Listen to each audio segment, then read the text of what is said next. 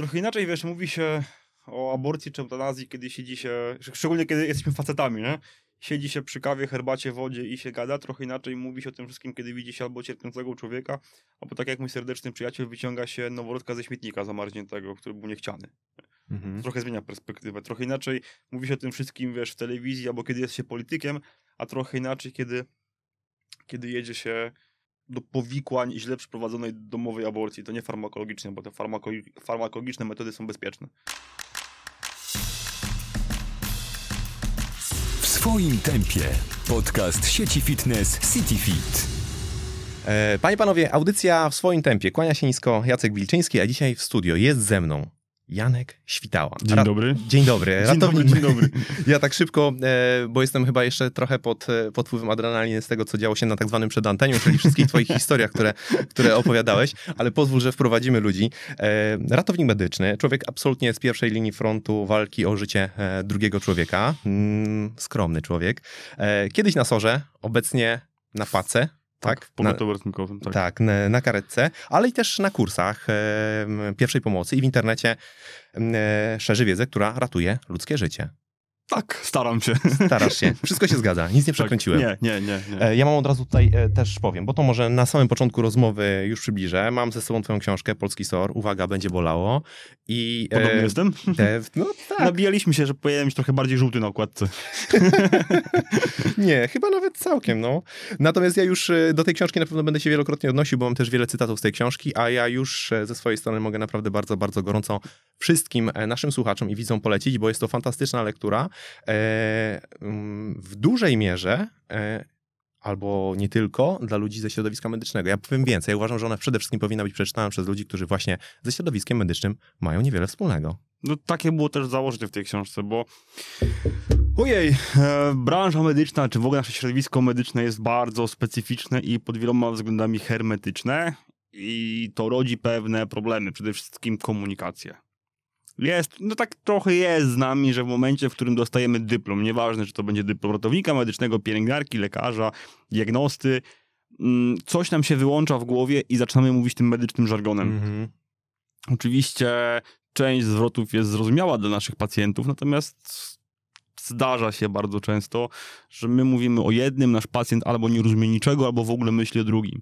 I też ta książka jest pisana językiem przede wszystkim, który ma trafić do niemedyków. Mhm. Ona jest, e, z, czy do niemedyków, ale też do, na, do naszych bliskich, naszych partnerów, partnerek, do naszych rodzin, do ludzi, tak jak mówiłem wcześniej, którzy wiesz, w, którzy patrzą w nasze oczy, kiedy wracamy z ciężkiego dyżuru i pytają, jak było, a my mówimy, że jakoś. Jakoś. Nie? Jakoś.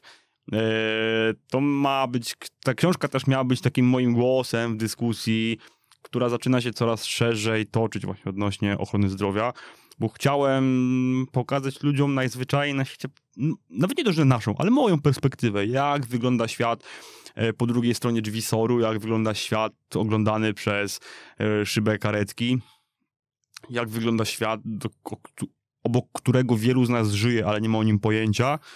Mm, bo to też jakby mówię, mówiłem w wielu miejscach, powtórzę to raz jeszcze, nikt przeciętny nie wstaje w tak piękny dzień jak dzisiaj i nie myśli sobie, ale jestem ciekaw, co tam ratowników medycznych.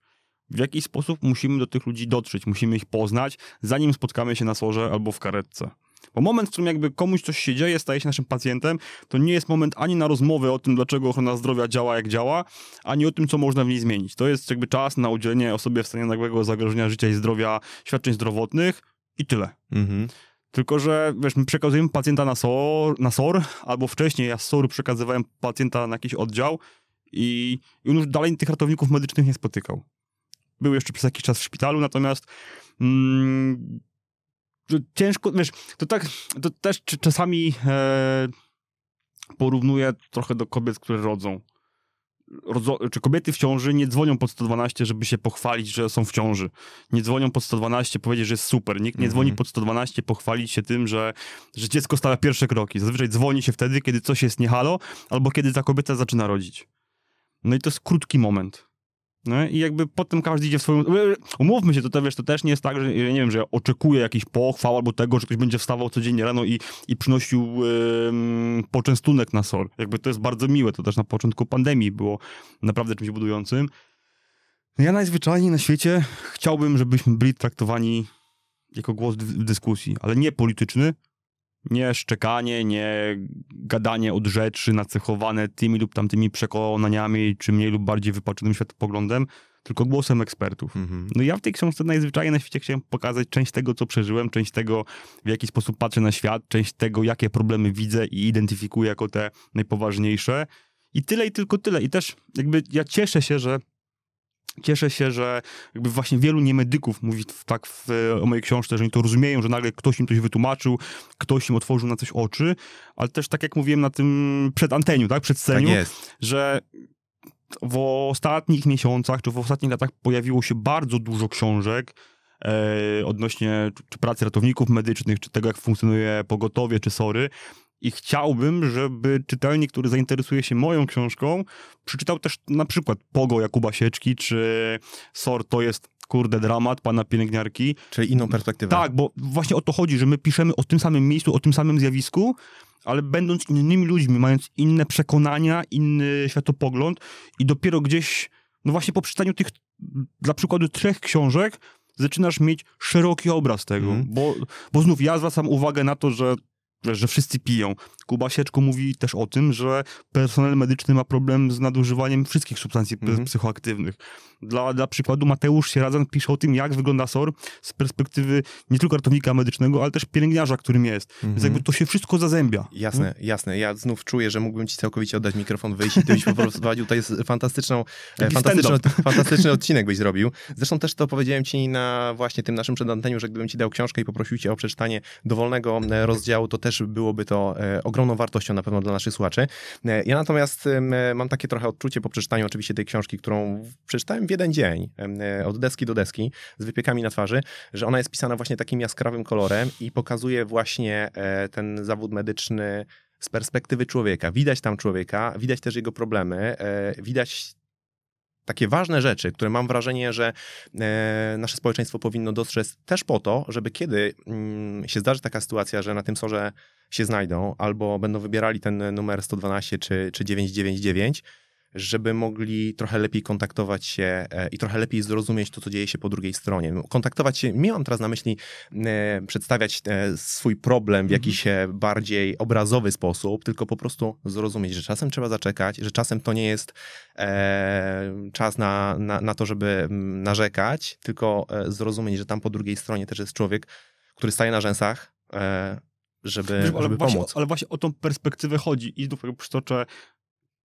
historię ze swojej pracy, gdzie byłem na, pracowałem wtedy jeszcze na SORze, yy, w punkcie triage, jakby zajmowałem się segregacją medyczną pacjentów, którzy się zgłaszają i zgłosił się na SOR pacjent ze złamaną ręką. No jest to jakby stan jak najbardziej, który wymaga zaopatrzenia w ramach czy to ambulatorium ortopedycznego, czy szpitalnego działu ratunkowego w niektórych miejscowościach.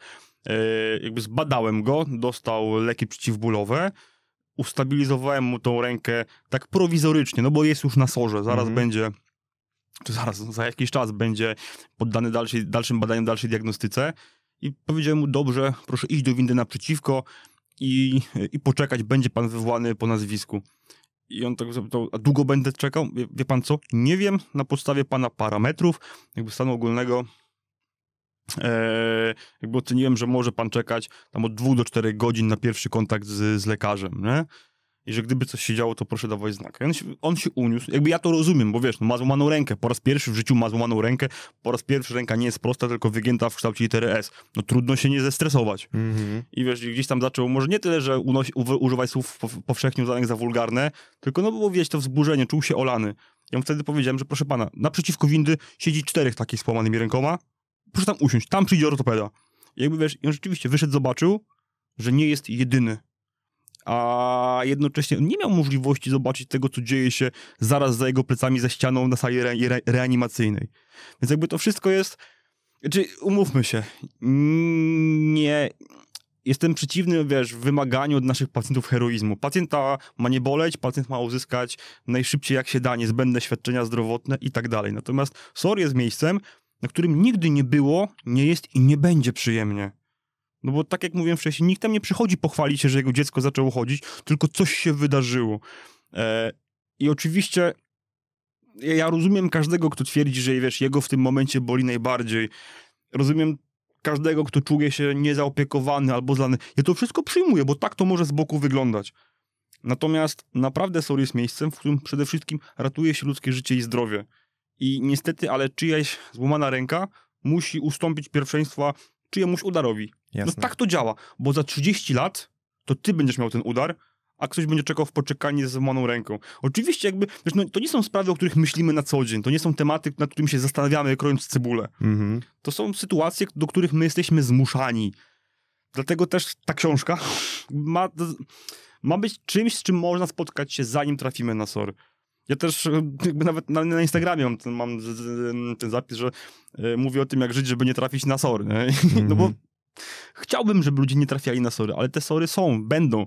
Możemy, wiesz, możemy mówić różne rzeczy, natomiast tam zawsze będzie nieprzyjemnie. Dobrze, Janku, no to Mhm. y, pozwól, że ja sobie tutaj e, tobie i naszym słuchaczom zacytuję pewien fragment z tej książki, żeby trochę wprowadzić e, właśnie w, w tę pracę ratownika e, medycznego, ale może od takiej strony, która wydawać się będzie trochę nieoczywista. To jest cytat. Jesteśmy przede wszystkim pomocą socjalną i społeczną, a dodatkowo mamy supermoce, dzięki którym jesteśmy przygotowani także do prowadzenia reanimacji albo ratowania ciężkiego urazu. To trochę pokazuje ciężar tego. Teraz e, w dużej mierze prawdopodobnie mówimy o tej pracy w karetce, na karetce, na pace. No pacę A- w karetce. Mhm. E, ciężar tego, gdzie duża część tej waszej pracy również się znajduje. Czy wiesz co? Mm, Bo kiedy mm, ktoś myśli ratownik medyczny, to właśnie w głowie bardzo często właśnie zapala się to, to jest ktoś, kto ratuje życie. Ktoś, kogo widzimy właśnie przy jakimś wypadku, gdzie, gdzie nie ma nogi, gdzie jest wielka kraksa, gdzie widać dużo krwi, ale to nie tylko tam wy pracujecie i tylko, nie, nie tylko tam pomagacie ludziom. no to jest prawda, w sensie mm, myślę, że w ciągu ostatnich 13 miesięcy, 14 takich wyjazdów, wiesz, prawdziwych na ratunek życia, że gdybyśmy tam nie pojechali, to ten człowiek no, nie przeżyłby następnej godziny, no to myślę, że miałem może z 10, 15. Mhm. Cała reszta to są wyjazdy do do różnych stanów, niekoniecznie wymagających tego, żeby przyjechało do nich trzech ratow- czy dwóch, trzech ratowników medycznych, albo jeszcze zespół z lekarzem, respirator, defibrylator i w ogóle kupa sprzętu za grube pieniądze. Tylko, że kto ma do tych ludzi przyjechać? Jakby, która służba ma wziąć na siebie wyjazdy do starszych osób mieszkających samotnie, które się potyka- potykają o dywany i przewracają. I na przykład leżą przez trzy godziny i są później znalezione przez e, sąsiadów. Mhm. Kto ma przyjeżdżać do wiesz, osób, które są w stanie, jakby to powiedzieć, mm, no kryzysu psychicznego. Jasne. nie? Właśnie to jest, to jest też trochę takie e, moje spostrzeżenie. Mam nadzieję, że nikogo tym nie urażę. I może ono być e, zupełnie nietrafione, ale takie spostrzeżenie, które ja po przeczytaniu tej książki, po, przeczytaniu- po przeczytaniu wielu opisów e, różnych sytuacji, e, mam takie poczucie, że wiele osób, do których jeździcie, to są po prostu ludzie, którzy są samotni. Tak, tak, tak. Jakby my często gęsto leczymy samotność, tylko ta samotność, ona się objawia wielowymiarowo, bo to najczęściej będzie zgłoszenie wpadające po północy, przed, po północy przed trzecią od starszej, samotnej osoby, Mhm. która z jakiegoś powodu nie śpi i na przykład mierzy sobie ciśnienie, albo jest osobą przewlekle chorą, czasami też terminalnie. Wiadomo, że niestety czas tej osoby po tej stronie rzeki Styx jest już raczej krótszy niż dłuższy. Mm, wie, że na jej chorobę, tą główną, nie ma lekarstwa, nie ma ratunku. Można co najwyżej niektóre objawy łagodzić i to też nie zawsze pogotowie ma do tego leki i sprzęt. I wzywa. I my przyjeżdżamy. Oczywiście jakby badamy takiego pacjenta czy taką pacjentkę jak każdą inną, po czym nagle okazuje czy po czasie to już jest tak, że my wiemy. My widzimy po kartach kolegów i tak dalej. Natomiast wiesz, przyjeżdżasz i, i nagle okazuje się, że pani wyciąga dokumentację medyczną i jesteś siódmym zespołem, który przyjechał do tej pacjentki w ciągu ostatniego miesiąca. Mhm. I za każdym razem jest dokładnie to samo. I wiesz, i wchodzisz delikatnie dalej, rozmawiasz z tą, z tą osobą i nagle się okazuje, że mąż nie żyje, dzieci w Ameryce, sąsiadka taka i owaka nie będzie z nią spędzać czasu. Ona nie ma nikogo innego, Mhm. kto do niej To przyjedzie. jest takie trochę terapeutyzowanie samotności, ludzi, którzy są w pewien sposób trochę poza nawiasem Nie społecznym. wiem, czy terapeutyzowanie, na pewno ludzi, którzy są poza nawiasem społecznym, Mhm. bo w Polsce starość równa się samotność. Tak, to prawda, My- absolutnie. My, my nie To mamy... jest strasznie przykre. Tak, my nie mamy żadnych.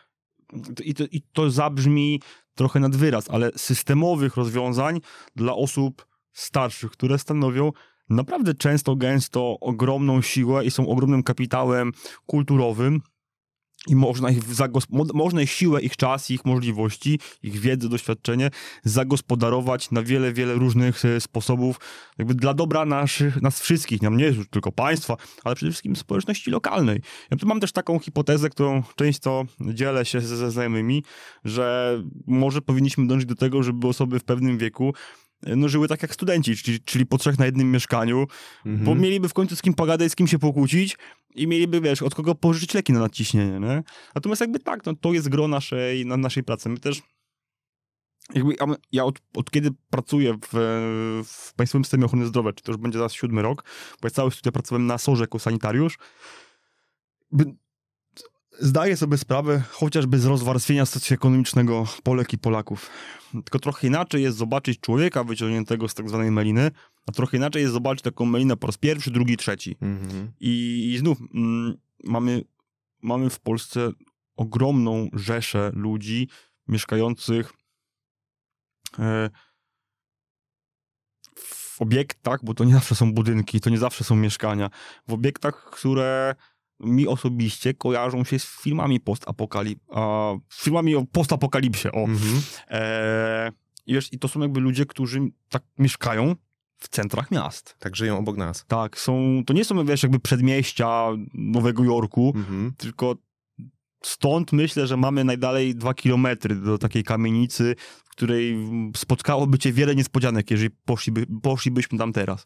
Mm, I znów, to są ludzie, którzy są poza systemem, to są ludzie, którzy, wiesz, do których my przyjeżdżaliśmy na przykład jesienią, bo oni we własnych mieszkaniach, tych obiektach, na przykład zamarzali bo byli tak biedni, że nie było ich stać na, wiesz, czy nawet na najprostszy system grzewczy, nie? a jednocześnie nikt się tym ludźmi nie interesuje, no bo są poza systemem. Poza systemem. I takich problemów w ogóle jakby społecznych, socjoekonomicznych ekonomicznych mamy od groma. Wiesz, ja miałem taki dyżur e, na studiach, na praktykach w jednym z dużych szpitali w, tu w Warszawie, gdzie zajmowaliśmy się i tak dziwnie się złożyło i powstańcem warszawskim, w sensie kombatantem Mhm. i na tym samym dyżurze był, była osoba i nie chcę teraz skłamać ani bajdurzy, wydaje mi się, że miała tatuaż z Auschwitz. Jasne. I wiesz, i nagle się okazuje, że masz ludzi, których uczy... masz obok siebie lekko pacjentów, ludzi, o których uczyłeś się w szkole, dookoła których dodaje się tyle takich przymiotników, wiesz, jak ważni, bohaterowie, Mhm. to są przymiotniki, dobrze mówię? Przymiotniki. Ja Tak. nig- eee... I wiesz, i, i ci ludzie okazują się też niepotrzebni. Ich się wyciąga raz w roku z szafy, a Mhm. pozostałe 360 Mitoli- dni- Mitologizuje się ich Tak, przez tak, tak, pozostałe tak. 365 dni. I wiesz, jakby ja, ja mam skrajne poglądy, mój światopogląd też jest skrajny, natomiast mm, czuję co najmniej zażenowanie, kiedy mamy jakieś rocznice jakichś państwowych świąt, zwycięstw, zwycięstw albo porażek i widzę tych starszych ludzi właśnie wyciąganych na ten czas z szafy, bo ja wiem, że jakby, jak wygląda ich życie za, za godzinę, za 15 minut. nie? Gdzie, Patriotyzm trochę na pokaz. tak, gdzie nagle okazuje się, że człowiek, który dla przykładu, nie znam jakby dorobku bojowego tamtego pacjenta, ale niech będzie, że wiesz, że, że, że walczył na woli, czy uciekał kanałami przez e, do śródmieścia, jest sam. Nie ma nikogo w domu, kto przyjdzie i go na przykład przebierze, albo raz w tygodniu myje, bo państwo ma tych ludzi gdzieś. I do takich sytuacji my też jesteśmy wzywani. Jakby ja napisałem wprost, że to, bo to też nie jest moja teza. To powiedział mój um, starszy stażem kolega, z którym w wielu kwestiach się zgadzam i za wiele jakby opinii mu dziękuję, że my właśnie jesteśmy przede wszystkim taką opieką socjalną, która raz na jakiś czas wyciąga kogoś z tamtej strony, albo nie pozwala Mhm. mu przekroczyć tej rzeki Styx. Mhm. E, I jeżeli się z tym jeżeli się z tym nie pogodzimy, to będziemy sfrustrowani. Jeżeli się z tym pogodzimy, to do tej pracy się też podchodzi trochę inaczej. Jakby umówmy się, bo to nie jest tak, że ja wstaję o drugiej w nocy i mówię, ale super, jedziemy wymienić żarówkę, jest! Mhm. Tylko myślę sobie, wolę jechać, wymienić żarówkę i zmierzyć ciśnienie starszej pani, niż pojechać do, do reanimacji na ulicy w deszcz. Jasne. A wiesz co, ja się jestem absolutnie, No. jakby ja absolutnie to, to, to widzę, jakby to, to wybrzmiewa twoim głosem. I myślę, że teraz też mówisz e, głosem e, większości ratowników medycznych, że pacjent to jest, e, to jest podmiot, a nie, a nie przedmiot. Natomiast dlaczego ja ci to pytanie zadałem? Bo ta rola, mm, ten element waszej pracy wydaje się taki bardzo mocno nieoczywisty. I chciałbym, żeby to było takim trochę zaczynem do, do, do tego pytania. Na ile realia pracy e, ratownika medycznego są zgodne z podręcznikiem akademickim, a na ile ten podręcznik e, postępowania jest pisany zwykłym życiem? Wiesz co? Eee, to jest tak, zacznijmy od tego, że nie ma jednej książki do medycyny ratunkowej Mhm. i w wielu kwestiach rabini nie są zgodni. I o to ty też jakby żartujemy sobie, że w ratownictwie medycznym, czy w ogóle w pierwszej pomocy też jest szkoła falenicka i otwocka. I one się tam nawzajem zwalczają. Okej. Natomiast em, trzeba wiedzieć, gdzie szukać informacji, które uzna się jako standardy. I znów, jeżeli mam w książce o postępowaniu w urazach fragment o resuscytacji, to oczywiście go przeczytam, będę wiedział, jakby na czym ona się będzie różniła od każdej innej resuscytacji. Natomiast dla mnie wyznacznikiem będzie, będą wytyczne europejskie Rady Mhm. Resuscytacji jako tego organu. Więc jakby tej, tej wiedzy jest bardzo dużo i trzeba Mhm. wiedzieć, gdzie jej szukać. Nie? Jakby jest książka też wydana przez pewne naprawdę szanowane towarzystwo naukowe czy akademickie, w którym wiesz, zaleca się tamowanie krwawienia ciśnieniomierzem. Co jakby jest teoretycznie wykonalne, ale z mojego niewielkiego doświadczenia wynika, że są lepsze sposoby i nie ma sensu marnować czasu w ten, na, na tą metodę. I teraz w tych książkach jest wszystko to, z czym my się spotykamy. Ale nigdzie nie ma informacji o tym, że te trzy lata studiów będą nam potrzebne dla 10% pacjentów. Właśnie, o tym, o tym To, mówię. ty, wiesz, ja, ja miałem jeden wykład, to mm, mój późniejszy promotor, pan, e, pan dr Dariusz Kosoń, którego serdecznie pozdrawiam, anestezjolog. On nam, Pozdrawiamy. on nam na pierwszym wykładzie na ratownictwie medycznym powiedział, rzućcie studia. Po co wy tu, kurde, przyszliście? Skończycie rozwiedzeni z Właśnie to depresją. mam ten cytat. Tak, skończycie... y, To poz, pozwól, że ja go Mhm. zacytuję, bo to miało być nas, następne pytanie. Skończycie rozwiedzeni z depresją, będziecie podkradać dragi z sejfu, walić po kablach albo zapijać się do, e, do nieprzytomności. I to od razu, jak e, Tak. kontynuując to, ja mam e, pytanie e, następne, czy ty byś się, się pod tym teraz podpisał, pod tymi No słowami? tak, bo, bo tak, bo tak wygląda nasza rzeczywistość. Mhm. Jak wiesz, chorowałem na depresję. Dwa lata byłem na lekach psychotropowych. Chodziłem przez dwa lata na terapię. Tylko tej mojej pani terapeutce i mojej rodzinie bliskim, którzy mnie wspierali, zawdzięczam to, że najzwyczajniej na świecie nie odebrałem sobie życia. Mhm. Więc jakby zostałem uratowany. Tak, widzę po sobie, ja, ja, ja też jak większość medyków mam skłonność do eksperymentowania. Zresztą ja nigdy tego nie ukrywałem, że duża część substancji psychoaktywnych nie jest mi obca. Eee, widzę to po swoich kolegach, jak wielu z nich jest w rozbitych związkach, jak wielu z nich e, też nadużywa, czy alkoholu, czy właśnie wspomnianych wyżej substancji psychoaktywnych. Tak to wygląda. I teraz znowu, możemy wobec takiej sytuacji przyjąć dwie postawy. Udawać, że tak nie jest, albo powiedzieć głośno, no tak jest. I zastanowić się, co z tym zrobimy. Więc ja jestem z tej grupy, która woli powiedzieć, no tak, no rzućcie okiem, jak wygląda przeciętny ratownik medyczny. Wysoki bysior z brodą, ale na przykład większość z nas ma, tak, ma tą charakterystyczną otyłość brzuszną, związaną z nieregularnym odżywianiem się i permanentnym Mhm. dużym poziomem kortyzolu. To znowu, jakby albo będziemy, wiesz, kombinować, jak zrobić tak, żebyśmy byli zdrowsi, bardziej wysportowani, albo będziemy udawać, że, że problemu nie ma. Mhm. Janku, ale powiedz mi, Mhm. e, ten, em, ta praca w tym zawodzie jest dewastująca dlatego, że tam pracuje się tak dużo, czy dlatego, że to pH i środowisko tej pracy jest, e, jest tak obciążające? Jedno i drugie. I to jest, i teraz postaram się w, w, zacytować coś, co sam przeczytałem ostatnio w internecie. Mm, wiesz, że ratownicy medyczni, pielęgniarki, lekarze, szczególnie anestezjolodzy, chirurdzy, żyją krócej Mhm. niż statystyczny człowiek. Ktoś mądry powiedział, że to ratowanie ludzkiego życia kosztuje nas nasze krótsze życie własne. Mhm. No i tak jest. Jakby i to jest, wydaje mi się, gdzieś tam ta cena, którą za, za, to, za to płacimy. Więc jakby, no tak, ta praca jest dewastująca, ta praca jest wyniszczająca, ta praca bywa okrutna też wobec nas, bo o ile, wiesz, ja byłem na studiach przygotowany do tego, jak się prowadzi resuscytację u dziecka, to nie byłem przygotowany do emocji, jakie we mnie uderzą, kiedy ta res resuscytacja się nie uda. Mhm. No? I, I znowu, wydaje mi nie jestem pewien, czy kogokolwiek można przygotować do czegoś takiego. No? Mm, I my nie jesteśmy systemowo pod żadną opieką, ani psychologiczną. Nikt nas nie weryfikuje. Mm, nie ma, wiesz, miejscach, w którym ratownik medyczny, którego kolokwialnie mówiąc złamie w trakcie dyżuru albo tuż po dyżurze, bo najczęściej takie rzeczy dzie- dzieją się po dyżurach, kiedy emocje opadają Mhm. i stajesz całkowicie, całkowicie bezbrodny, nie ma systemowego miejsca, gdzie możesz się zgłosić. Oczy, oczywiście, możesz przyjść na izbę, przyjść do szpitala psychiatrycznego i porozmawiać z lekarzem psychiatrą, tylko pytanie, czy nie lepszą opcją byłaby, wiesz, na przykład wizyta u psychologa interwencyjnego. Tylko, że i my to możemy robić prywatnie, za nasze własne pieniądze. Mhm. E, to się powoli zmienia. Jest coraz więcej miejsc, w których ratownicy medyczni mogą dzięki swojemu pracodawcy liczyć na takie wsparcie, natomiast to są lokalne inicjatywy, a nie, a nie roz, rozwiązanie systemowe. Mm, Czyli to jest trochę tak, że oni po studiach trochę rzucają was na głęboką wodę i e, radźcie sobie trochę sami, po, podpatrzcie jak, jak, jak pływają koledzy?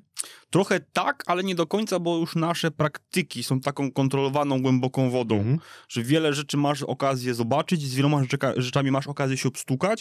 To też jest tak, że wiele osób w ogóle po pierwszych czy drugich praktykach rezygnuje z tego kierunku. I, i to jest bardzo dobre. Jasne. Bo jakby, słuchajcie, są ludzie, którzy mogą wsadzić ręce w czyjąś rozerwaną nogę i są tacy, którzy nie mogą.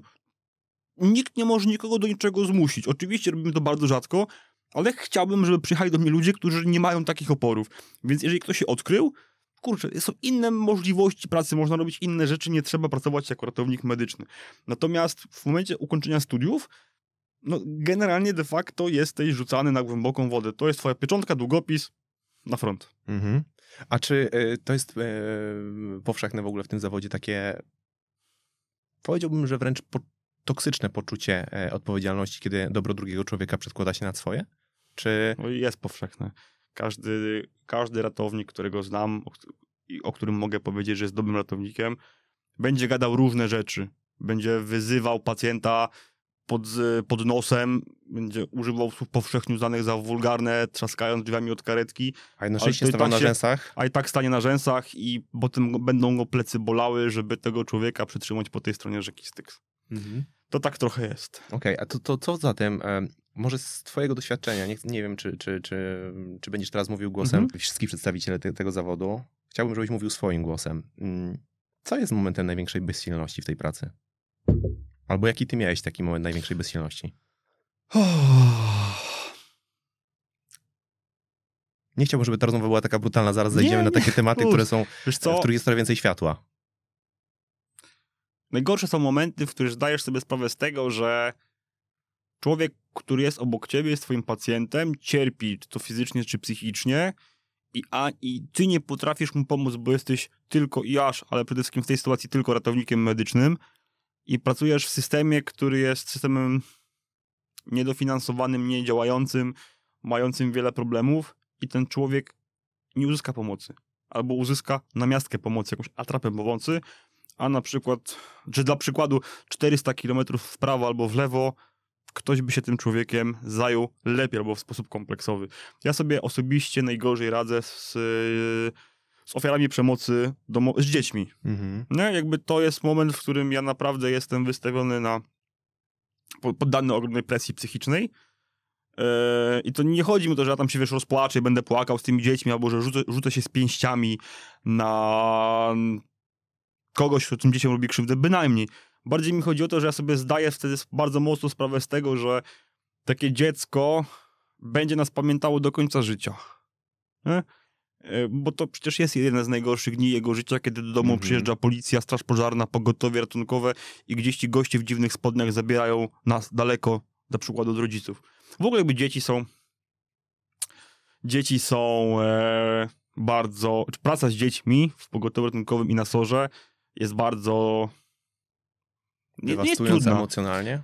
dużo nas kosztuje emocjonalnie. Nie? Ja miałem, e, miałem taką sytuację w trakcie kryzysu na granicy polsko-białoruskiej, gdzie dostaliśmy zapytanie od, grupy Granica, czy jesteśmy wolni, bo jak tak, to jest grupa tam chyba pięciu czy sześciu osób, które są gdzieś w lesie, są bardzo głodne, przemoczone, nie chcą żadnej medycznej pomocy, tylko chcieliby coś zjeść w końcu. I czy możemy im dostarczyć, um, dostarczyć te pakiety medyczne, czy te humanitarne. Powiedzieliśmy, że jak najbardziej, bo też siedzimy, nic nie robimy, także się przejedziemy. I coś nas tknęło, trochę doświadczenie, trochę, trochę e, przeczucie, że tego wszystkiego wzięliśmy zdecydowanie więcej, niż by wynikało z zapotrzebowania. I wiesz, nagle zajechaliśmy w sam środek lasu i okazało się, że tych osób nie jest 5 czy 6, tylko z 20.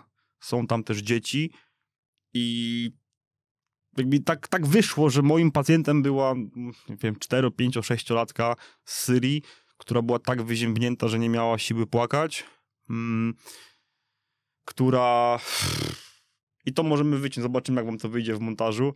Natomiast, e, wiesz, której rodzice byli tak zmaltretowani tą sytuacją, tak głodni, tak zmarznięci, że bardziej ważniejsze dla nich wtedy było to, żeby dostać coś suchego, żeby się przebrać, niż to, co dzieje się z ich dziećmi. Mhm. I, I to jest jakby coś strasznego, bo to nie są ludzie, którzy nie kochają swojego dziecka, to są ludzie, którzy przeszli piekło i w piekle ta perspektywa jest zupełnie inna. Nie? Mhm. Zajmujesz się tym dzieckiem, rozbierasz je. Ja wtedy powiedziałem to swoje słynne Habibi, nie teraz spierdalaj. Yy, trzymasz to dziecko, zaczynasz się ogrzewać, jakby widzisz, że jest im trochę lepiej i zaraz musisz jechać dalej, wrócić, więc wyciągasz co masz z kieszeni, ja tam miałem jakieś sneakersy, te soczki, takie gerberki i, i zostawiłem to w każdej kieszonce, która była w tych śpioszkach, czy w tych takich ciuchach, które tam dost, do,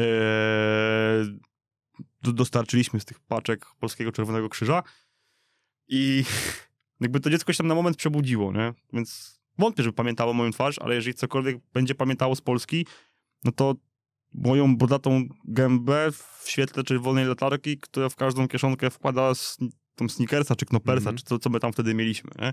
I wiesz, i zdaj, wracasz potem z takiego wjazdu do bazy i myślisz sobie, las to nie jest miejsce dla dzieci. Mhm. Nie? Żadne dziecko nie może spać w lesie. Nie ma, jakby nic nie jest ważniejsze od tego, żeby chronić dzieci. I jeżeli zdajesz sobie sprawę, że nie możesz temu dziecku pomóc, bo co, zabierzesz się do szpitala, to przyjdzie straż graniczna i wywiezie za druty. Mhm. Weźmiesz się do domu, to dostaniesz zarzuty za pomoc w, przemyć, e, w przemytnictwie, w przemycie ludzi. Wystarczyłoby tylko i wyłącznie przestrzegać prawa, którego w Polsce no, raczej się nie przestrzega Mhm. w sytuacjach politycznych. I no, jesteś wobec czegoś takiego bezsilny. To jest, y, to co mówisz, to jest... y, E, no, to jest przytłaczające. Przytłaczające jest Wiesz, bo momencie, k- kiedy się tego słucha No. i nie jestem w stanie sobie wyobrazić, co czuje człowiek, który, e, który to przeżywa. Wkurwienie. To nie Mhm. jest złość. Mhm. To jest najzwyczajniej na świecie wkurwienie na cały świat. To daje ci z jednej strony taką energię do działania, jakiej byś się nie spodziewał, ale z drugiej strony bardzo mocno wpycha cię w myślenie tunelowe, a niestety w ratownictwie medycznym myślenie tunelowe jest pułapką. Natomiast e, po czasie myślę sobie, że mm, wiesz, nie jesteśmy w stanie nigdy pomóc wszystkim, nie uratujemy wszystkich ekosystem, nie damy rady, ale mamy jakieś nasze sukcesy, nie? Tych, tych kilka osób żyje dzięki nam, chodzi codziennie dla swoich bliskich i to jest jakby to, dlaczego my do tej pracy przychodzimy.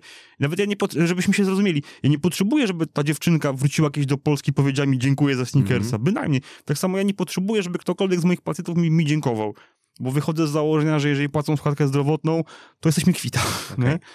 Natomiast jakby no, to jest moja praca i ja swoją pracę mam wykonywać dobrze. Oczywiście to jest miłe, jak ktoś ci podziękuje i to się zdarza raz na jakiś czas, że, że ktoś nam podziękuje. Są takie sytuacje i to znów jeden z moich kolegów no, miał okazję poznać młodą dziewczynę, którą resuscytował. Ona jakby wyszła ze szpitala, będzie żyć. No, to on chodził dwa dni nad, wiesz, nad, nad, nad chodnikiem, tak jakby się lekko Mhm. unosił. To jest coś pięknego. Natomiast to jest rzadkie, bardzo rzadkie. Jeżeli ktoś idzie do tej, do tej roboty po to, żeby wiesz, czuć się bohaterem, czy, czy właśnie, żeby mu dziękowano go podziwiano, no to on się bardzo szybko zderzy ze ścianą. To wiesz co, e, No. ja, ja pewnie do tego wrócę, bo chyba po części odpowiedzieć na jedno z pytań, które miałem w głowie, ale jeszcze Mhm. chciałbym cię tak bardzo wprost zapytać po tym wszystkim, co powiedziałeś, bo to jest naprawdę e, wstrząsające. Trudno znaleźć inne słowa. Często płacze się w tym zawodzie? W pracy, w pracy nie. Natomiast po pracy różnie. Ja tak jakby, no, nawet teraz jak sobie pomyślałem o tej Mm. dziewczynce, mam gdzieś tam w kącikach oczu, o czym też mówiłem jakby na, Mm. na tym, przed antenią. Natomiast e, to nie jest nic złego. Nie? Jakby w pracy, kiedy coś się dzieje przy pacjencie, no to jakby sorry, twoje emocje chowają się do kieszeni, natomiast w sytuacjach, kiedy tego pacjenta przekażesz, nie? Albo albo Eee, wiesz, że to jakby rokowanie jest jedno i i zaraz będzie, będzie trzeba przekazać smutne informacje, no to bywają takie momenty, które cię ruszają, nie? No jest to Jakby- taki łamiący bagaż, którego chyba się nie da uwolnić od tego, bo... e, Ale właśnie tylko, zobacz, bo tu nie ma się od czego uwalniać, bo my byliśmy wychowani w takiej kulturze, że ma być zajebiście twardzi, nie? że Mhm. coś się dzieje, wtedy wchodzę ja cały na pomarańczowo i zastrzykiem z peralginy Mhm. leczę świat. A ja też jestem człowiekiem. Właśnie Jakby ja ten zastrzyk z peralginy dam, kiedy jest potrzebny, ale wrócę do domu i mam prawo, no, na przykład w swojej głowie, wiesz, no, przeżyć żałobę. Jasne, jasne, ja absolutnie się z tym zgadzam. I, natomiast e, po prostu patrzę trochę oczami wielu ludzi, którzy obserwują e, medyków i mają czasem takie wrażenie, że to są ludzie, którzy e, są bardzo mocno zdystansowani, którzy są bardzo chłodni, bardzo... Ale jest- bardzo... Ale zobacz, ale właśnie o tym mówię, bo my się spotykamy tylko w pracy. Mhm. Jeżeli trafiłbyś do mnie w pracy, to ja też powiem, dzień dobry, nazywam się Janek Świdała, jestem ratownikiem medycznym, co jest, o co chodzi, nie? Jakby no nie będę ci powiedział o tym, co teraz czuję, albo że Naturalnie. pana koszulka wzbudza we mnie dyskomfort, Mhm. Tylko jakby, wiesz, robię swoją robotę. Natomiast, kiedy spotykamy się poza pracą, to wtedy jest czas na to, żeby mówić Mhm. o emocjach, o tym, że no, jak, jak dziecko, które zabraliśmy z domu, w którym było bite, w, jechało z nami do szpitala i nagle zaczęło płakać i powiedziało, że chce do mamy, no to ja byłem totalnie bezbronny. Ja już nie wiedziałem, co mam powiedzieć, nie? No bo co mam powiedzieć Mhm. dziecku, które chce do mamy? No przecież to, że matka ma problem, jest osobą stosującą przemoc, nie zmienia tego, że to jest jego matka. Mhm. Nie? Wiem. Czy wiesz, jakby Mhm. chciałem tylko e, może Mhm. to jakby zwrócić uwagę na to, że wbrew temu, co niektóre osoby mogą myśleć z zewnątrz, to nie spływa po was jak po kaczce. Nam się często zarzuca brak empatii. Mhm. Tylko ja swoją, że my naszą empatię trochę inaczej definiujemy, bo jeżeli ktoś przyjdzie, czy przyjmijmy za przykład coś, co z punktu medycznego jest pierdołą, czyli skręconą kostkę. Mhm. Zgłasza się na SOR człowiek ze skręconą kostką, no rzeczywiście nie może chodzić, odczuwa ból. Trafia na mnie, ja mu mierzę parametry, daję mu przeciwbólowo, czy tą peralginę, czy paracetamol, e, zabezpieczam to i jakby ja o tym zapominam. On tam siedzi, czeka i cierpi. I widzi, że my chodzimy sobie gdzieś i, i gadamy, i pijemy kawę, a on Mhm. nie wie, co się dzieje. On nie zdaje sobie sprawy, że ja wychodzę, bo chcę sprawdzić wyniki badań pacjentki, którą zajmowałem się godzinę wcześniej, bo coś mnie tam zaniepokoiło. Albo dzwoni do mnie kolega, który przywiózł tą pacjentkę, żebym wszedł do systemu i sprawdził, czy ta dziewczyna jeszcze żyje. Bo to jest nasza empatia. Mhm. To, że wiesz, to, że wozimy w karetce pluszowe misiaki. To jest nasza empatia, Mhm. że obok zestawu porodowego, obok zestawu do zdarzeń masowych, do segregacji rannych, obok respiratora, mamy miejsce na pluszowe misiaki. To jest nasza empatia. To, że, nie wiem, no, potrafimy, kiedy sytuacja tego wymaga, zabrać, tak jak, tak, tak jak te dzieci, wiesz, przed szpitalem do żabki, żeby kupić im po czekoladzie i butelce coli, żeby coś... Mhm. To, to jest nasza empatia. A nie... A, a ludzie oczekiwaliby, że to będzie trochę tak, tak jak na filmach, nie? Że, że babcia trafiła do szpitala i leży w takim dużym łożu i ma chustkę na czole i obcięte Mhm. paznokcie i tak dalej. No to by było fajne, gdyby tylko tak wyglądało chorowanie. A, Mhm. to, a tym bardziej na SOR-ze, gdzie SOR ma być oddziałem, na którym pacjent przebywa krótko, więc mamy łóżka, że te łóżka na SOR-ze to nawet nie są łóżka, to są wózki tam reanima- reanimacyjno-diagnostyczne. One mają mieścić się w drzwiach, mają zabezpieczać pacjenta przed upadkiem i mają nadawać się do resuscytacji. I dopiero na, na czwartym miejscu mają być wygodnym łóżkiem. Mają dawać komfort. Priorytety. I, tylko, no, i, tylko, tylko, że wiesz, w, no, w normalnej, w idealnym świecie ten pacjent byłby na tym łóżku dwie godziny. W naszej rzeczywistości bywa, że i tydzień czeka się na sorze, bo Mhm. nie ma gdzie tego człowieka przenieść. Mhm. Więc bolą go plecy, nie ma poduszek, bo na sorze nie ma poduszek. Nigdy nie pracowałem na sorze, gdzie były poduszki dla pacjentów. Więc starsza pani, która cały dzień śpi na poduszkach, narzeka. Chciałaby iść do toalety, sama nie pójdzie. Ale ja w tym momencie pobieram krew komuś, kto jest nieprzytomny, więc nie mogę z nią pójść. Nie ma studenta. Więc ona zaczyna uderzać laską o barierki Mhm. i krzyczy, że chce siku. Ja mówię, że zaraz. Ona mówi, że zaraz było dwie godziny temu. Ja mówię, że wiem. I zaczyna się robić nieprzyjemnie.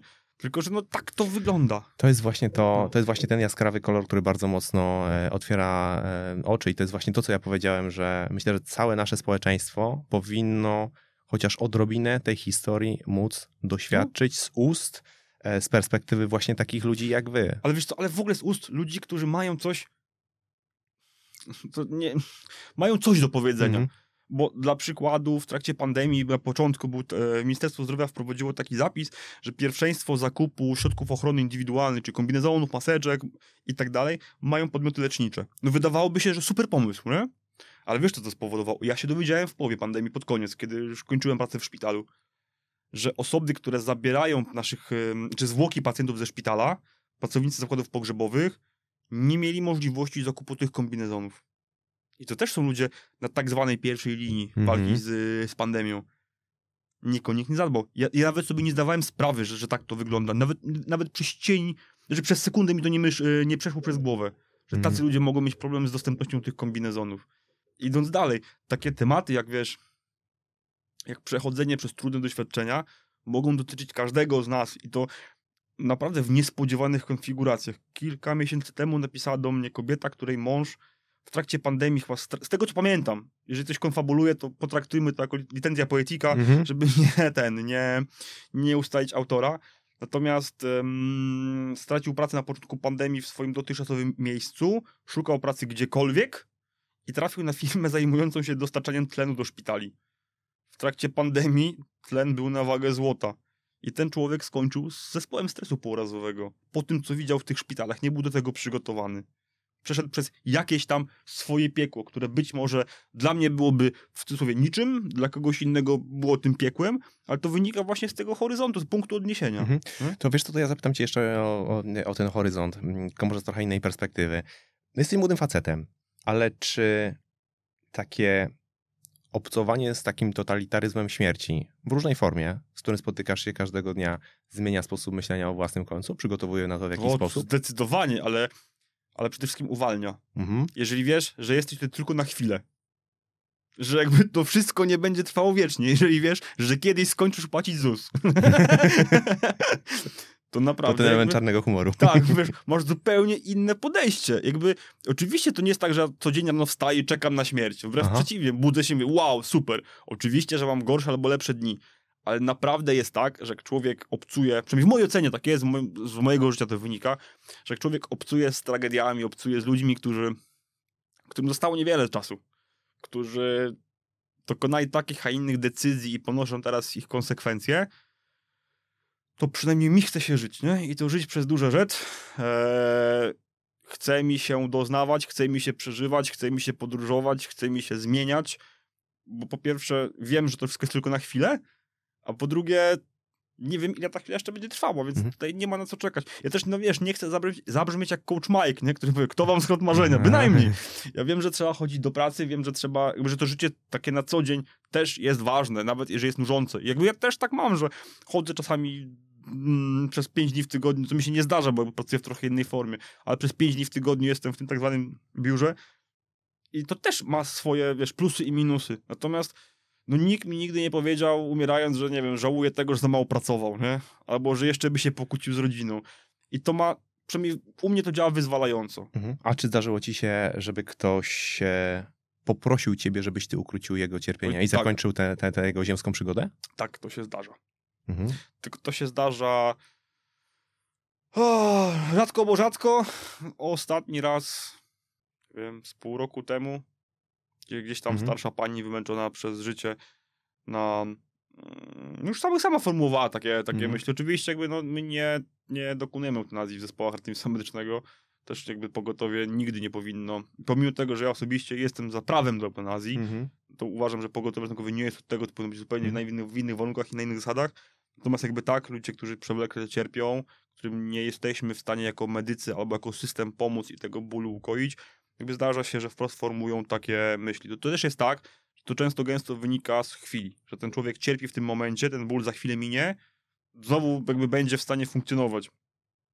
Natomiast jakby tak jest to. I pierwszy taki, pierwszy taki yy, przypadek pamiętam właśnie ze studiów, pracowałem wtedy jako sanitariusz na sorze i też mieliśmy starszą panią. No, to chyba też była weteranką powstania warszawskiego. To, była, Mhm. to była jakaś taka twarda babka. I miała złamanie szyjki kości udowej i leżała na tej, na tej leżance i wyła z bólu. I błagała, żeby ją dobić. Podejrzewam, że wielu medyków spotyka się z takimi z takimi prośbami, czy z takimi myślami. I to jest jakby kolejny temat, który my musimy przedyskutować jako społeczeństwo. Mhm. Nie? Jakby ja nie jestem ekspertem od, od kwestii etycznych, nie jestem ekspertem od, od medycyny końca życia, natomiast nie chciałbym, naprawdę nie chciałbym podzielić losu wielu pacjentów, których miałem okazję obserwować, e, którzy, no wiesz, no, czekali na śmierć Mhm. tygodniami. Wiesz Co, ale to chyba się trochę, mm, przynajmniej te osoby, które ja znam, które są z mojego środowiska i które e, bawią się zawodem medycznym, czy to lekarza, czy pielęgniarki, mówią tutaj e, dosyć jednym wspólnym głosem, że nie są za tym, żeby pozostawiać się, żeby, żeby, żeby zmuszać ludzi do walki za wszelką cenę o pozostanie po tej stronie światła. Przynajmniej ja mówię z, z doświadczenia ludzi, których ja znam, e, głosów medyków, którzy właśnie e, z takimi bardzo trudnymi sytuacjami na granicy życia i śmierci się spotykają na co dzień. No tak, ale tylko znów to wydaje mi się, że to, ten wspólny głos wynika przede wszystkim z doświadczeń. Mhm. Bo. Ojej, trochę inaczej wiesz, mówi się o aborcji czy eutanazji, kiedy siedzi się, szczególnie kiedy jesteśmy facetami, nie? Siedzi się przy kawie, herbacie, wodzie i się gada. Trochę inaczej mówi się o tym wszystkim, kiedy widzi się albo cierpiącego człowieka, albo tak jak mój serdeczny przyjaciel wyciąga się noworodka ze śmietnika zamarzniętego, który był niechciany. Mhm. Trochę zmienia perspektywę. Trochę inaczej mówi się o tym wszystkim, wiesz, w telewizji, albo kiedy jest się politykiem, a trochę inaczej, kiedy, kiedy jedzie się em, do powikłań źle przeprowadzonej domowej aborcji. To nie farmakologiczne, bo te farmako- farmakologiczne metody są bezpieczne. Mm, trochę inaczej się o tym wszystkim mówi, kiedy, kiedy zaczyna się wypowiedź od wydaje mi się, Mhm. a trochę inaczej kiedy zaczyna, myśli się i mówi, kiedy, kiedy to zdanie zaczyna się od zwrotu widziałem, Mhm. albo byłem, albo osoba obok mnie to przeżywała. Doświadczyłem. Mm, mm, Jestem przekonany, że tak jak każdy z nas ma prawo do życia, tak każdy dorosły człowiek ma prawo w sposób cywilizowany to życie zakończyć. I tak samo, skoro. I tu trzeba, i pewnie jakaś położna się wypowie w komentarzach, natomiast z tego co pamiętam ze studiów jest chyba 130 czy 120 sposobów, na jakie może umrzeć kobieta będąc w ciąży tylko z powodu tego, że jest w ciąży.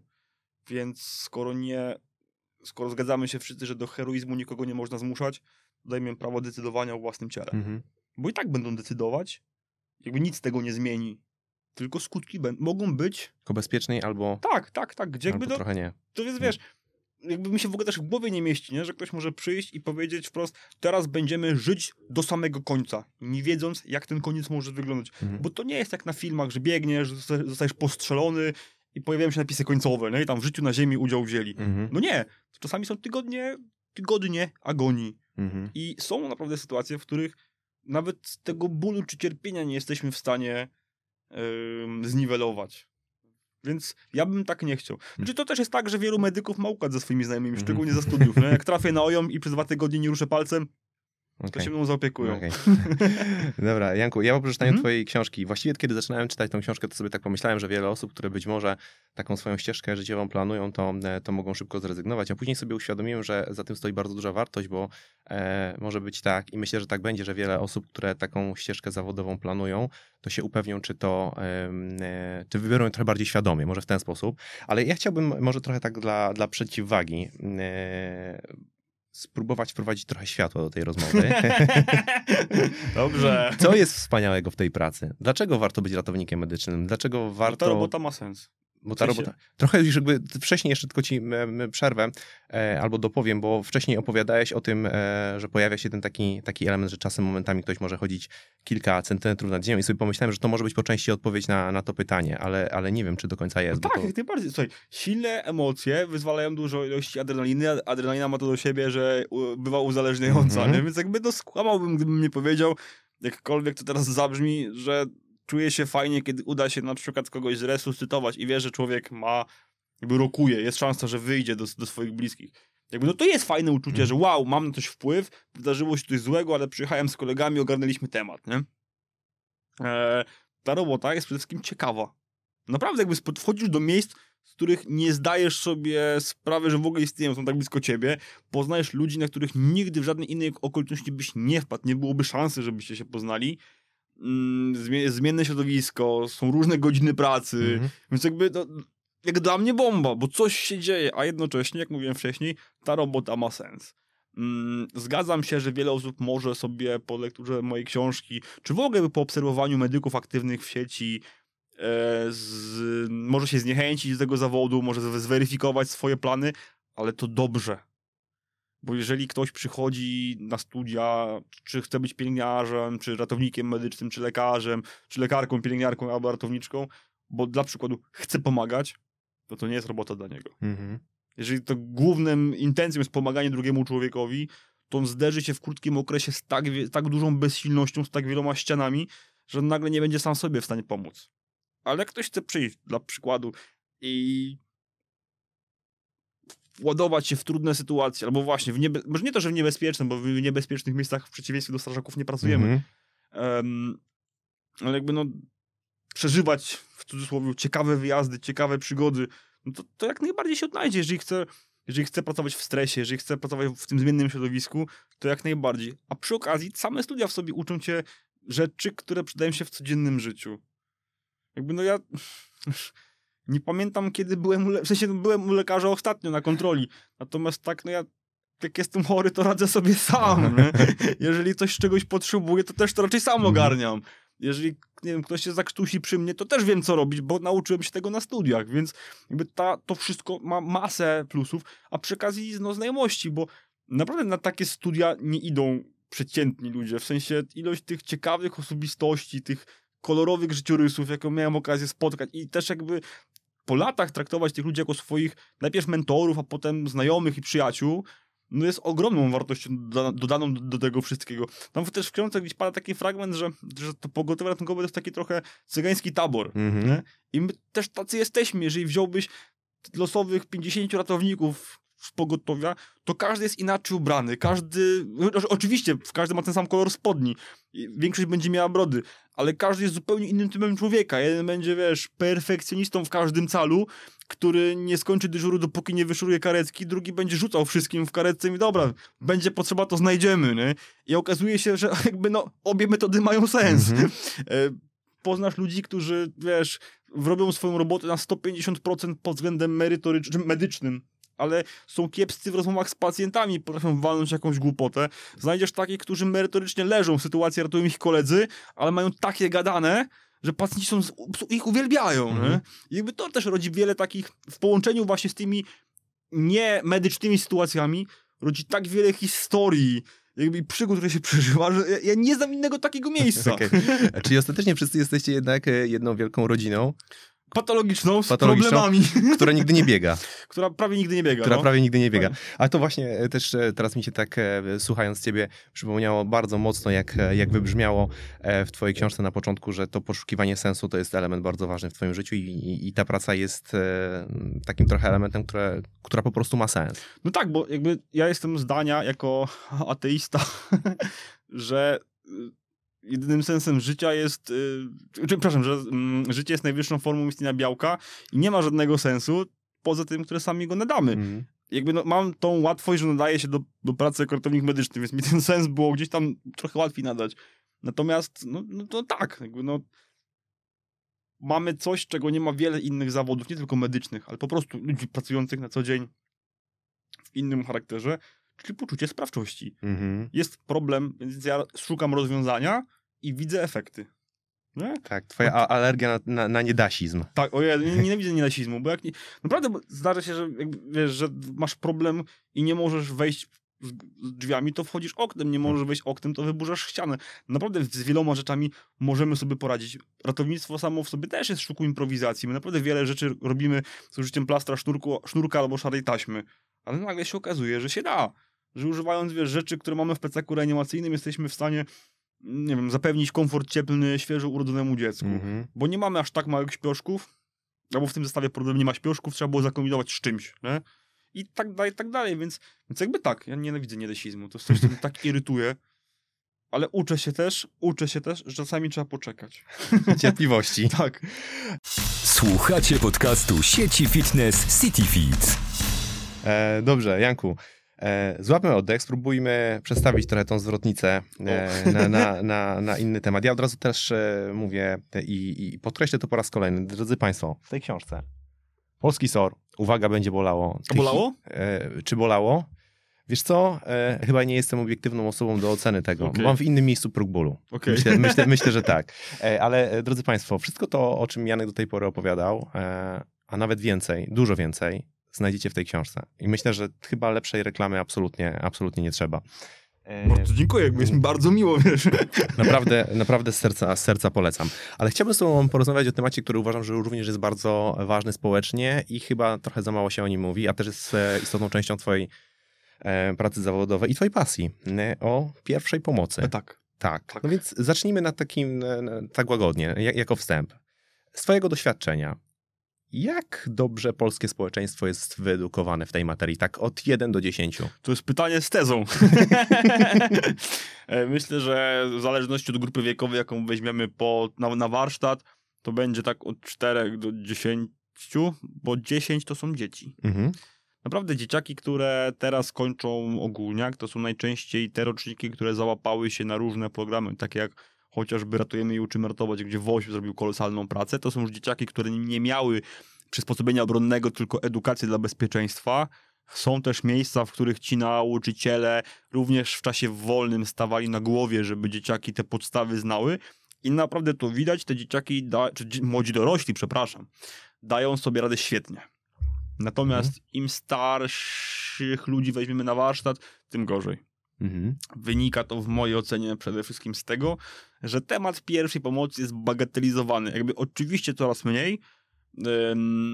Zazwyczaj firmy dzwonią z prośbami o ofertę kursów po jakichś wypadkach w pracy, Mhm. w których nagle się okazało, że pracownicy wskazani przez pracodawcę do udzielania pierwszej pomocy nie potrafią zrobić nic. Potrafili to na papierze tylko. Tak, bo kursy były papierowe. Mhm. E, oczywiście ta świadomość najpierw przez pandemię, a później przez wybuch wojny rośnie.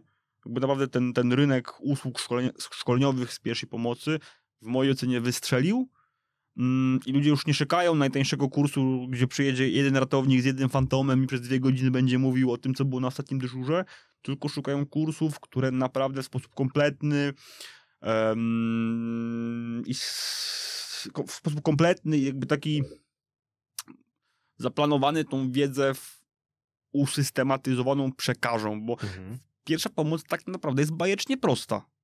Najważniejsze jest to, żeby pamiętać o własnym bezpieczeństwie. Jak oddycha, to super, jak nie oddycha, to ciśnie. I to właśnie jakby, to jest, połowa roboty.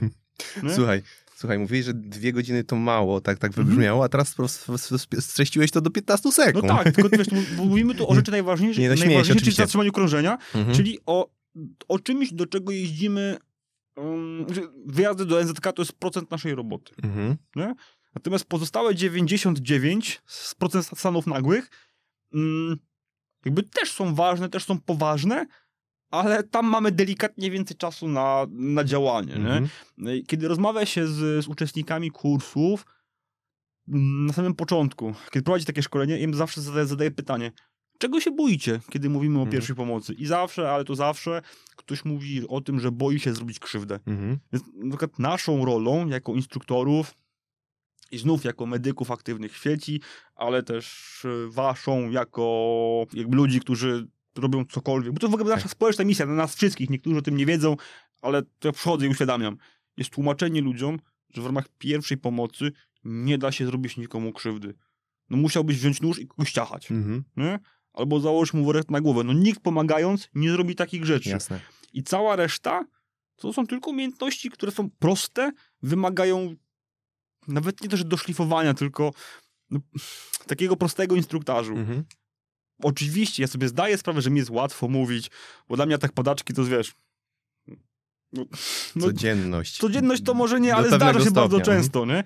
Ale jedno, jednocześnie ja pamiętam pierwszy napad padaczki, jaki widziałem w życiu.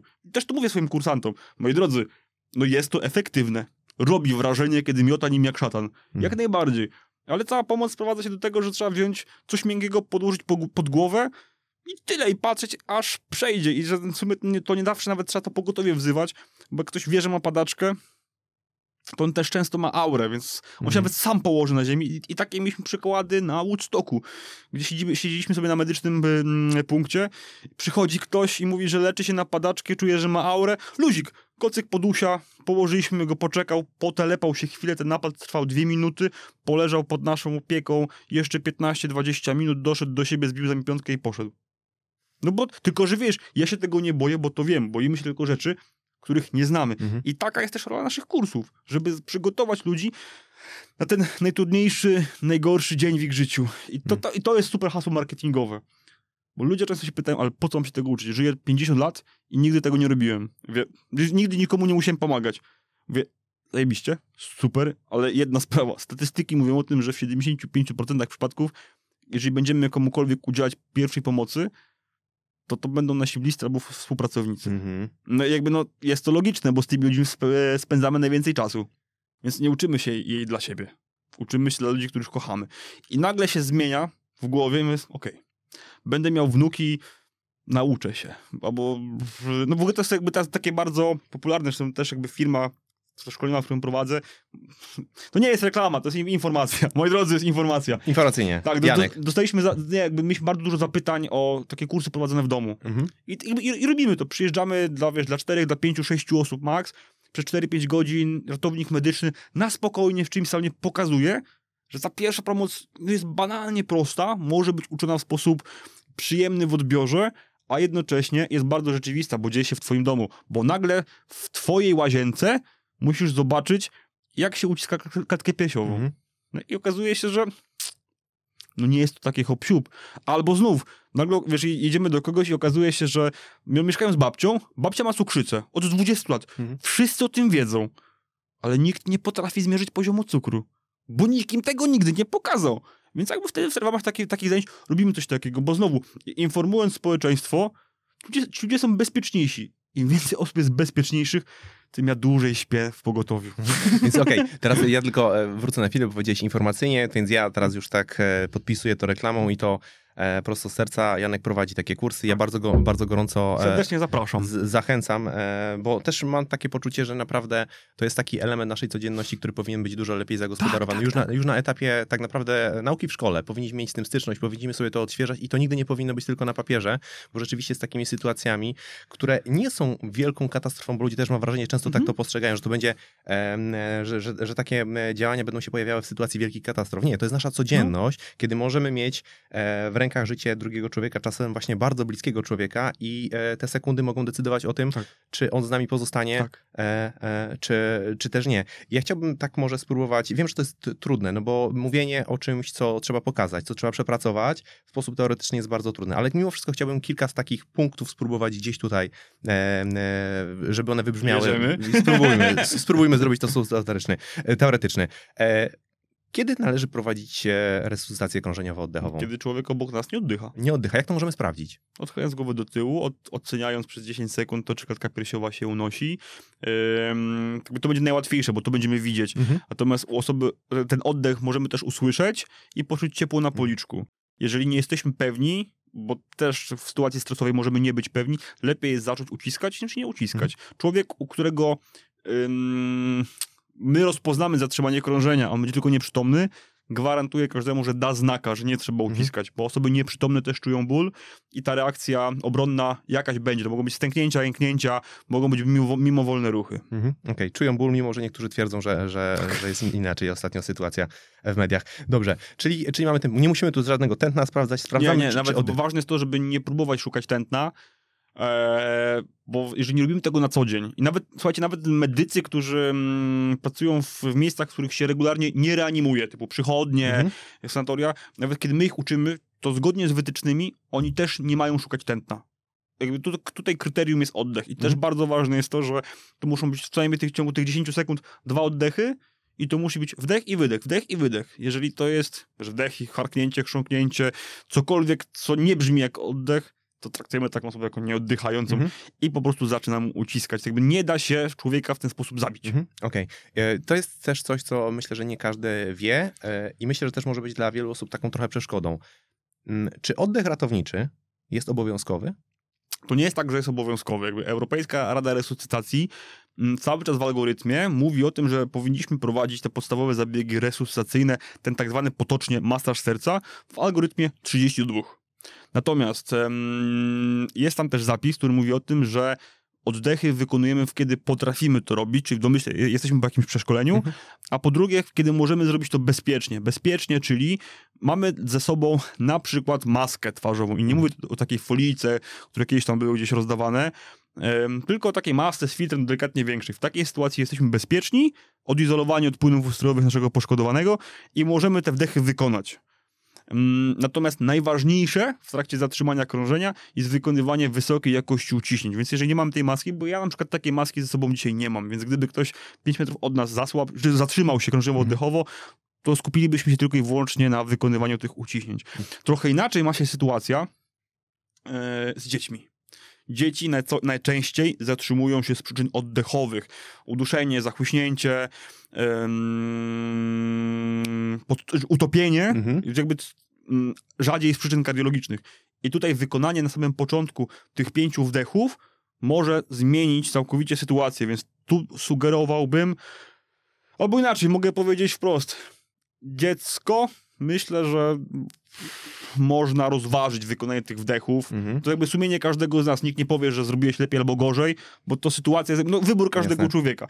Natomiast wydaje mi się, że gdybym ja miał taką sytuację, to, to ja bym te oddechy u dzie- dzieci wykonywał, bo wiesz,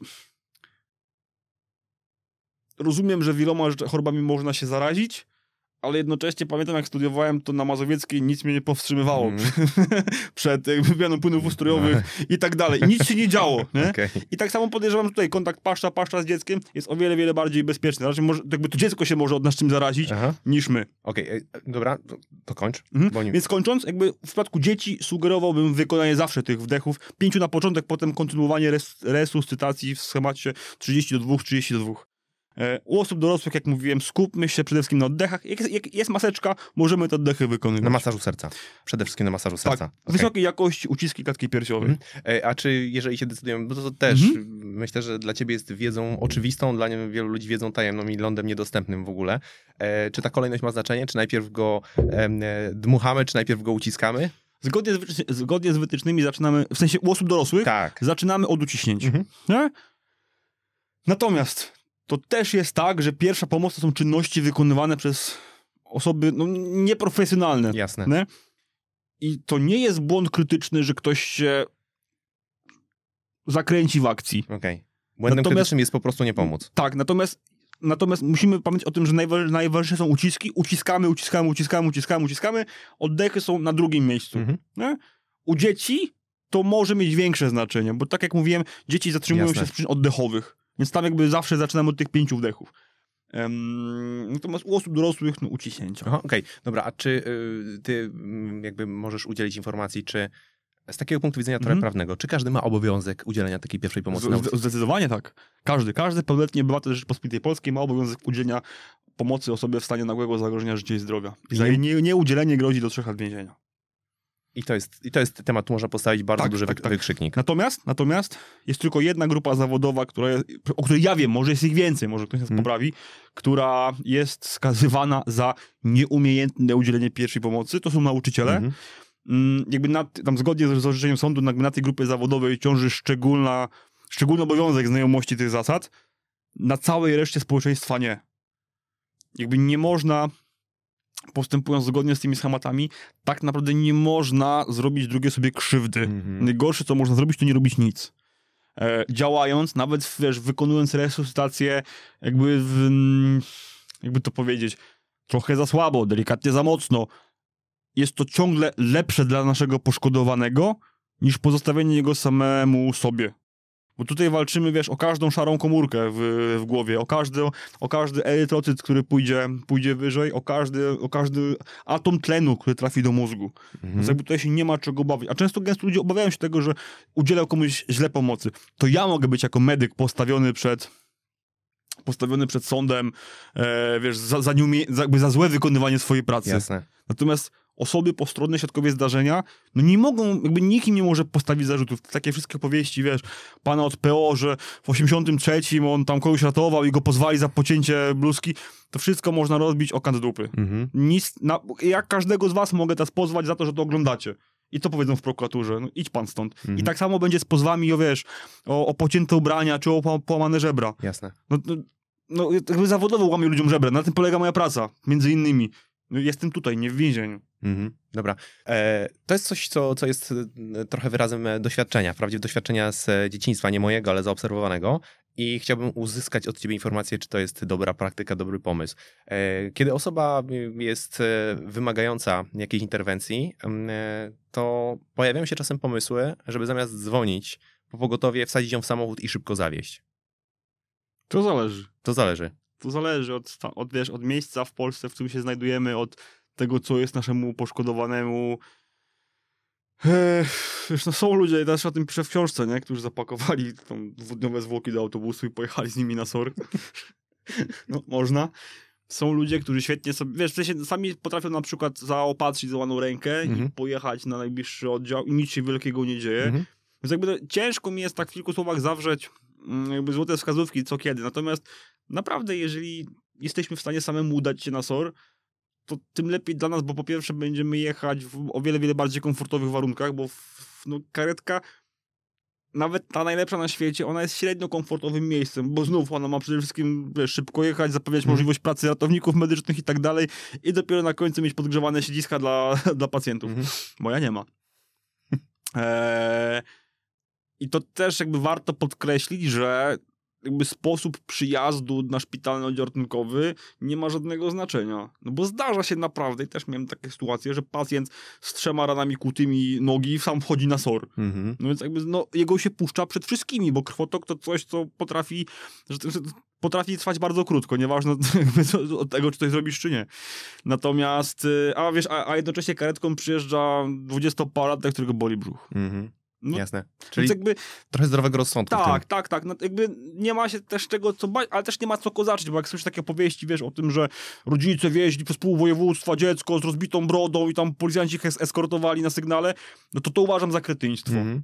bo o ile potrafię przyjąć to, że taki rodzic, rodzic jest zestresowany swoim dzieckiem, rozumiem to, że części twarzy są wyjątkowo mocno ukrwione i nie każdy dowiedział się w szkole średniej, że wiesz, że z brody czy słucha nie można się wykrwawić, mimo tego, że dob- mocno krwawi. Ja rozumiem czynnik stresowy, to moment, w którym funkcjonariusze policji dostają, no, no, nazwijmy to wprost, małpiego rozumu i zaczynają eskortować takie auto, wiesz, które nie ma sygnałów, to jakby jest Mhm. wbrew w ogóle przepisom prawa w Polsce. Mhm. Zamiast wziąć je do, do radiowozu, no jest ryzykowaniem życia, zdrowia, bo znów w aucie jest rodzic, który po raz pierwszy jedzie, no prawie że na błyskach. No. Nie? Jest zestresowany, bo z tyłu jest jego dziecko. My na błyskach nie wozimy naszych bliskich. No jakby, no wiesz, wiedziemy obcego człowieka. Mhm. Jazda na błyskach wiąże się z tym, że każdy e, rozgląda się przez szyby i patrzymy, co, co się dzieje, bo jest to niebezpieczne. I jedzie taki rodzic z tym dzieckiem, no i to jest kwestia czasu, kiedy dojdzie do wypadku tragicznego Mhm. w skutkach. Jakby ja trochę tak z takiej perspektywy takich Mhm. sytuacji poważnych, gdzieś tam ból w mózgu się pojawia i ludzie czasem mają takie, mm, kurczę, no nie wiem, wybiorę ten numer, nie wybiorę, mm, Wiesz co, później, to- później, później czy wybrać, czy nie wybrać, ludzie się czasem boją Tak. zadzwonić. Ale to, wiesz, to, to ważne informacje, bo to też jakby jest coś, o czym trzeba mówić głośno. E, pod 112 możemy zadzwonić nawet teraz i powiedzieć, przepraszam, chce mi się siku. I to jakby tam siedzi człowiek, który ma weryfikować te zgłoszenia I i decydować, gdzie zespół ratownictwa medycznego będzie potrzebny, gdzie wystarczy p- policja, albo wiesz, albo gdzie, no nie wiem, należy wskazać drogę do najbliższej apteki. Nie ma czegoś takiego jak bezpodstawny wyjazd zespołu ratownictwa Mhm. medycznego. Natomiast nie wolno robić jednej rzeczy. Nie wolno kłamać. Jakby to jest karalne i takich ludzi naprawdę jakby staramy się najpierw pouczać, a jeżeli są oporni i okłamują regularnych dyspozytorów, to jest szansa wyhaczyć całkiem spory mandat. Natomiast nie możemy oczekiwać od każdego, od każdego Polaka, każdej Polki, że ona sam, on sam będą wiedzieli, kiedy na pewno nie, albo gdzie, jest ta granica. My Mhm. sami nie wiemy. Więc jakby to wszędzie apelowałbym o ten zdrowy rozsądek, bo znów, jeżeli ktoś mieszka, wiesz, naprzeciwko przychodni, która jest dobrze wyposażona, są tam kumaci y, lekarze, kumate pielęgniarki i dziecko dostanie na przykład anafilaksji, a ja mam do tej przychodni dwie minuty, to szybciej będzie mi to dziecko wziąć pod pachę i wbiec do tej przychodni, niż Jasne. czekać na zespół ratownictwa medycznego. Ale znowu, jeżeli ktoś ma, wiesz, zaburzenia świadomości, udar, mieszkamy 15 km od, e, od szpitala, to ja mimo wszystko wezwałbym pogotowie ratunkowe, bo istnieje szansa, że przeci śmigłowiec. Mhm. Więc to wszystko zależy. Nie? I ten zdrowy rozsądek jest bardzo ważny. Jasne, dobra. To ja jestem ciekaw, Mhm. czy ty dostrzegasz e, jakieś takie zachowania w naszym społeczeństwie, które są proszeniem się e, o tragedię, które, takie zachowania, które skutkują tym, że to wy macie więcej pracy. Nie wiem, jazda bez pasów, skoki na główkę, jazda bez kasku, a może te przysłowiowe dwa piwa, o których dużo Dwa piszesz. piwa. w książce. Dwa piwa, tak. E, pacjenci pod wpływem Myślę, że spokojnie 60, 70, 80% naszych pacjentów, ale też ci, którzy są pacjentami z powodu z nadmiernego spożywania alkoholu. Pozostałe środki psychoaktywne są daleko, daleko, daleko, daleko Mhm. i to wcale nie z powodu dostępności. Nie? Mm, I teraz jakby to też piszę w książce, że musimy zróżnicować, że naprawdę czym innym jest pacjent, który, czy pacjentka, która wiesz, umówiła się z dziewczynami na, na, na piwo, wypiła dwa, zakręciło się jej w głowie, no bo tak działa alkohol, Tak, wstawiła szpilkę pomiędzy kostki bruku i skręciła stop. No to się zdarza. jasne. Natomiast czoło, wiesz, mamy pacjentów, do których jeździ się regularnie i albo, no, albo zbiera się ich z przystanków autobusowych, wiemy gdzie mieszkają, albo właśnie jeździ się do, do nich mieszkań, albo jeździ się po różnych tak zwanych melinach i wszędzie tam spotykamy naszego, nas, naszego ulubionego obywatela świata. no to zaczyna być to frustrujące. Są, I wiesz, są też ludzie, którzy z powodu choroby alkoholowej mm, doprowadzają do naprawdę drastycznego rozstroju swojego zdrowia, który jeszcze rok, dwa, pięć wcześniej można by jakoś tam leczyć, a teraz jest już, no może nie to, że, że, że wyrokiem, a raczej skierowaniem do świętego Piotra celem dalszej Mhm. diagnostyki. Nie? I, I to bardzo mocno widać. I też jakby to, ile się w tym społeczeństwie pije, to też bardzo mocno widać, bo jakby cała reszta, że cała reszta takich ryzykownych zachowań oczywiście też występuje. No mamy pacjentów, którzy potrafili udowodnić całemu światu, że z, roz, z rozrusznikiem serca można przebiec maraton. Okazało się, że nie można. Nie? Mhm. Są pacjenci, którzy mimo tego, że mamy pasy dzięki filmie Volvo od chyba 40 czy 50 lat, ciągle twierdzą, że lepiej jest wylecieć z auta przez przednią szybę niż spłonąć w aucie. Nie? No, wylatują, mają możliwość zweryfikowania swoich przekonań. Przypominam, że zajęcia z fizyki z gimnazjum, że beton kiepsko amortyzuje. Mhm. Tylko problem z pasami polega na tym, że o ile on by, byłaby gwarancja, że on wleci na beton przez nikogo nie zajęty, to ma do tego prawo, a zdarza się, że osoby postronne są poszkodowane z powodu czyich decyzji i z tym trzeba walczyć. Jakby to widać, widać też to, że takie parcie na postawy, nawet prozdrowotne to jest dobre słowo, ale wydaje mi się, że lepszym byłoby mimo wszystko jakieś takie prosurvivalowe na zasadzie Mhm. przetrwania w życiu, są coraz bardziej powszechne, typu właśnie jeżdżenie w kaskach. Albo skumanie tego, że naprawdę jakby nie jest niczym złym pojechanie rowerami, wiesz, nad Wisłę z kumplem na, na piwo. Ale jak już wypiłem te dwa browary, to wezmę rower na plecy i zaniosę go do metra, bo jazda w tym stanie może być po prostu niebezpieczna. Mhm. Nie? I to widać, i to się zmienia, i to jest ogromny plus. Tylko, że znów to potrzeba trochę czasu. Potrzebujemy trochę bardziej piętnować celebrytów jeżdżących, n- wiesz, autem po alkoholu. Potrzeby, potrzebujemy kolejnych dwóch, trzech, pięciu rozpoznawalnych osób, które albo będą w ogóle mówiły o jeżdżeniu, wiesz, no, na, dla przykładu w kaskach, albo tfu, tfu, tfu, będą miały wypadek i nic tam im się nie stanie, ale od tego wypadku zaczną mówić o tym, że warto Mhm. chodzić w kaskach i to się będzie zmieniać. Jakby no, tylko, że znów potrzebujemy czasu. To się musi budować. Bo tak jak mówiłem znowu wcześniej, możemy robić rewolucję, możemy karać, karać, nie wyróżniać i tak dalej. A może, a może my też, pamiętając o tym, że każda rewolucja pożera własne dzieci, postawić na ewolucję, czyli powoli, powoli. Ja wybieram tę opcję powoli, bo, bo widzę te sukcesy. To trochę trwa, ale też te sukcesy, te zmiany są w mojej ocenie o wiele, o wiele, wiele trwal, trwalsze. Tak, tak się Mhm. mówi, trwalsze. Stabilniejsze. Tak, tak. Więc pytanie, czy wiesz, czy, czy za 15, za 20 lat będzie trzeba jeszcze komuś tłumaczyć, że zapinanie pasów ma sens? Mhm. Mam Tak. nadzieję, że nie. Ja tak trochę na koniec. Mam jeszcze jeden cytat z twojej książki. Wprawdzie już o tym trochę powiedziałeś. Ten ty- cytat em, był wypowiadany w kontekście pandemii. To uważam, że to w ogóle były prawdopodobnie rozmowa pandemia, e, rozmowa na zupełnie e, oddzielny odcinek, bo... Nie ma problemu, ale warunek jest taki, że gadamy w kombinezonach. Zobaczymy, ile wytrzymasz. Okej, dobra, dobra. Ja, ja akurat jestem, ja jestem po tej dobrej stronie mocy tutaj, także, e, także jak najbardziej. Słuchaj, z pandemii się wszyscy śmieją. Czy nie, nie wszyscy się będą śmiali z tej sytuacji, nie? Mhm. Bo niektórzy już... Nie, w sensie y, ja też bardzo mało się w ogóle starałem od pandemii pisać, bo uważam, że trochę za, krótko, za krótki czas minął od, Mhm. od jej końca. Tak. A po drugie, uważam też, że trauma, jaka została wywołana zarówno przez tych, którzy z powodu śmierci tych, których z, zabrała pandemia, jak i tych, którzy zmarli z powodu braku dostępu czy złego za, zarządzania ochroną zdrowia, no jest tak duża, że ktoś będzie, że to zaraz, albo znaczy, umarło 400 tysięcy osób. Mhm. No nie możemy przejść nad tym do porządku dziennego, udawać, że jest w pożądalu. Natomiast ja też się nie czuję na siłach na, na bycie pierwszym, który zacznie to rozgrzebywać. Mhm. Więc jakby tam są tylko jakieś wspominki, pojedyncze wstawki. Ja myślę, że jak będzie kiedyś czas i kogoś to będzie jeszcze interesować, to tak za 10 lat napiszemy coś o pandemii. Mhm. Jasne, ale wiesz co, ja mam e, cytat, e, który w, trochę w tym kontekście był, był wypowiedziany, ale ma charakter trochę bardziej uniwersalny i trochę bardziej szeroki.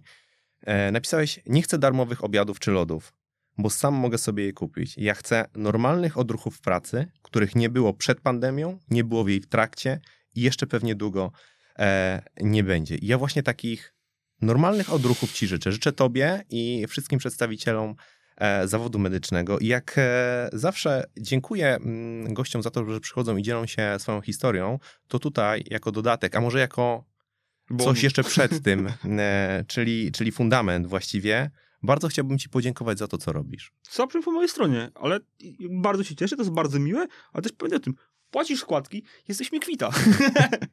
Drodzy Państwo, Właśnie jak, na mnie płacicie podatki, właśnie o to chodzi, dlatego warto płacić podatki. drodzy Państwo, jaki normalny człowiek. Jeszcze raz zachęcam bardzo gorąco do odwiedzenia. Przede wszystkim e, e, Zapraszam, serdecznie zapraszam. Janka, Janka w, w, w tak zwanych internetach. Tak, E, Działa bardzo, e, bardzo fajne, fajne treści przekazuje i w jaki sposób to robi, już mieliście tutaj dosyć sporą próbkę i zachęcam jeszcze raz do e, nabycia, przeczytania książki. E, do zobaczenia wszędzie, wszędzie tylko nie w pracy. do zobaczenia, do zobaczenia wszędzie, tylko, tylko nie w pracy. Panie, panowie, podcast w swoim tempie. Moim gościem był Janek Kwitała. Bardzo dziękuję. Wszystkiego dobrego, do widzenia, do zobaczenia. W swoim tempie. Podcast sieci fitness CityFit.